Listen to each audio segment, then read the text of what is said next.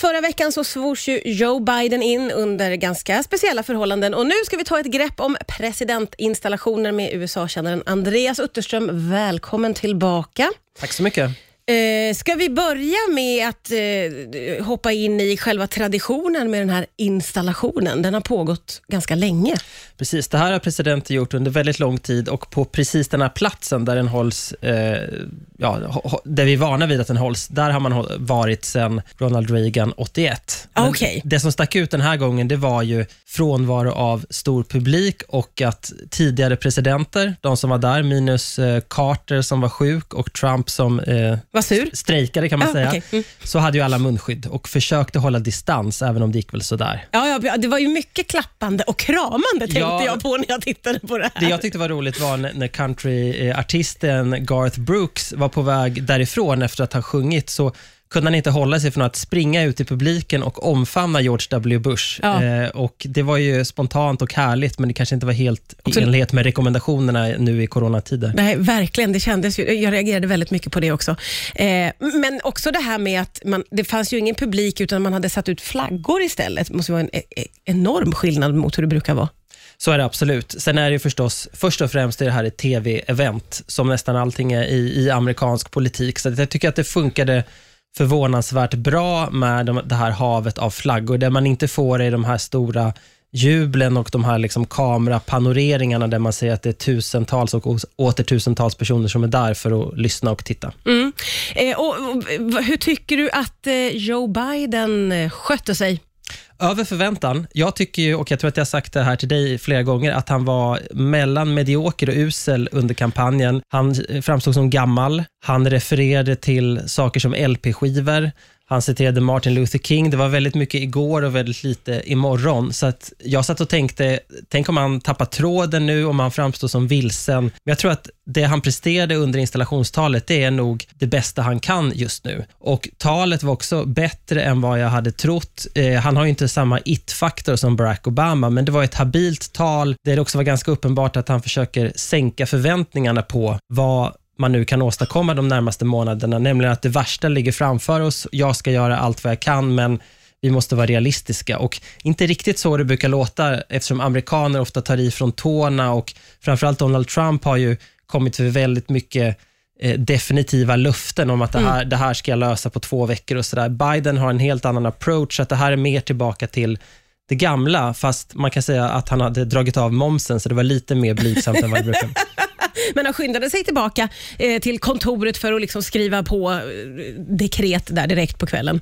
Ja, det gjorde han. Det är några saker som presidenten kan göra så att säga, på egen hand, såna executive order som det kallas. Bland annat då att USA ska tillbaka in i klimatavtalet och gå med i WHO igen och sådär. Så det tror jag var symboliskt viktigt att visa att nu är de här fyra åren med Trump över och nu går vi mer tillbaka till till hur det var under eh, Biden och Obamas år i Vita huset. Ja, det var ju väldigt speciellt att den avgående presidenten inte närvarade väl? Det är ju ett brott mot traditionen. Eh, det finns ingenting som säger att han måste vara där. Det är ju ett fritt land, folk gör som de vill. Men i vanliga fall så brukar ju presidenter värdesätta just att vara en del av traditionen. Men det har ju Donald Trump aldrig gjort, varken förr eller senare. Och har man i månader pratat om att först att det kommer nog vara valfusk och sen efteråt det, det var valfusk utan att kunna lägga fram några bevis.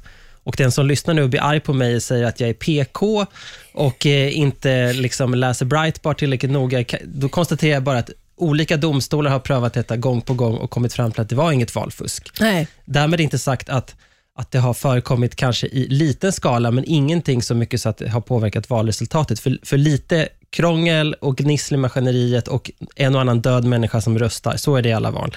Men eh, det blev ju en väldig liksom, kontrast mot, mot, mot, det gamla vanliga när Donald Trump inte var där. Och Det mm. var ju såklart en markering och säkert också ett sätt för honom att skicka ut röksignaler till sina supportrar eh, där han då säger att kampen går nu vidare i annan form. Ja, och vad menade han med det tror du? Att han kommer starta Trump TV, tror jag. Eh, en plattform, extra viktigt nu när han inte har tillgång till sitt Twitterkonto. Där kan han dessutom tjäna pengar på sina väljare, varav de mest hängivna är ju nästan som en influencers följare. Och Dessutom kan han bli en slags kingmaker i Republikanerna, alltså någon som folk måste besöka för att kiss the ring och få hans eh, godkännande och få tillgång till någon slags okej-stämpel från Donald Trump. Och Där tror jag att han kommer vara mycket mer framgångsrik än vad han var som president, för det är han mycket bättre på och där behöver man inte heller ta något ansvar, utan där kan man slugga vilt, säga vad man vill, utan att tänka på någonting annat än i princip sig själv. Så du tror inte att han siktar in sig på att starta nytt parti eller fortsätta inom politik som vissa har spekulerat om?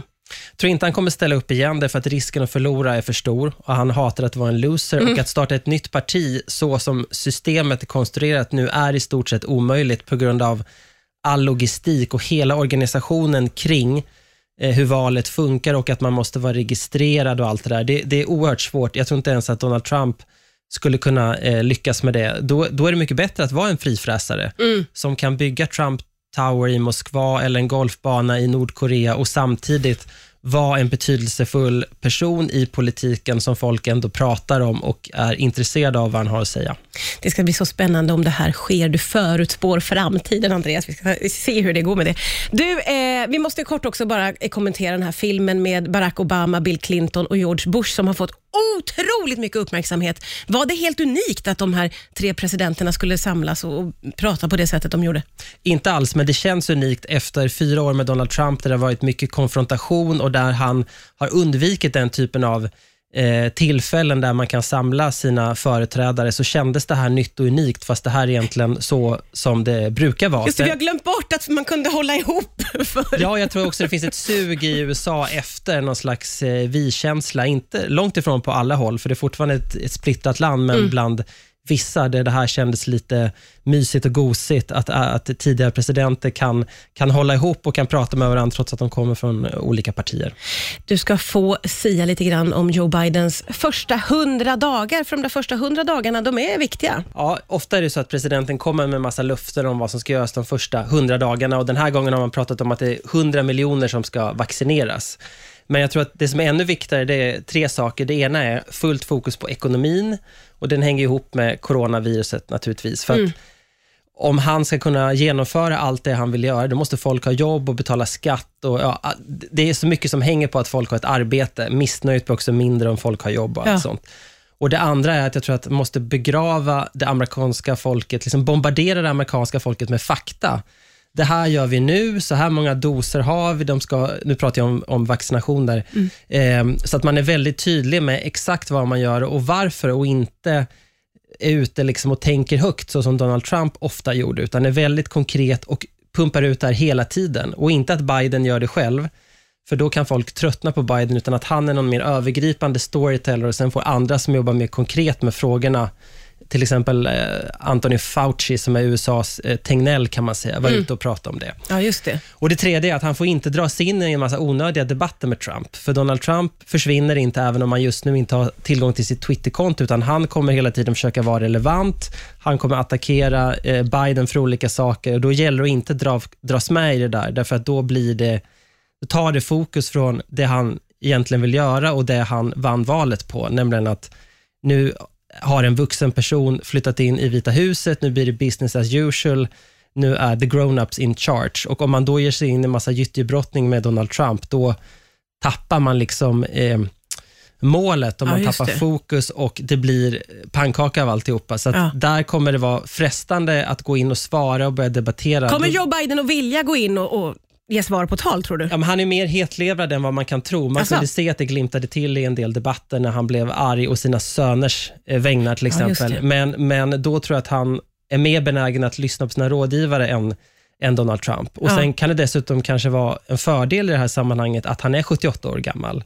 Eh, de flesta 78-åringar jag känner i alla fall mindre hetlevade än vad de var när de var 38. Så, så att här kan faktiskt, kan en fördel att, att, han är, att han är en gammal farfar kan faktiskt vara en fördel i det sammanhanget. Det är alltid lika spännande när du kommer hit. Eh, hoppas att du snart kommer tillbaka. Tack för idag, Andreas Utterström. Tack så mycket.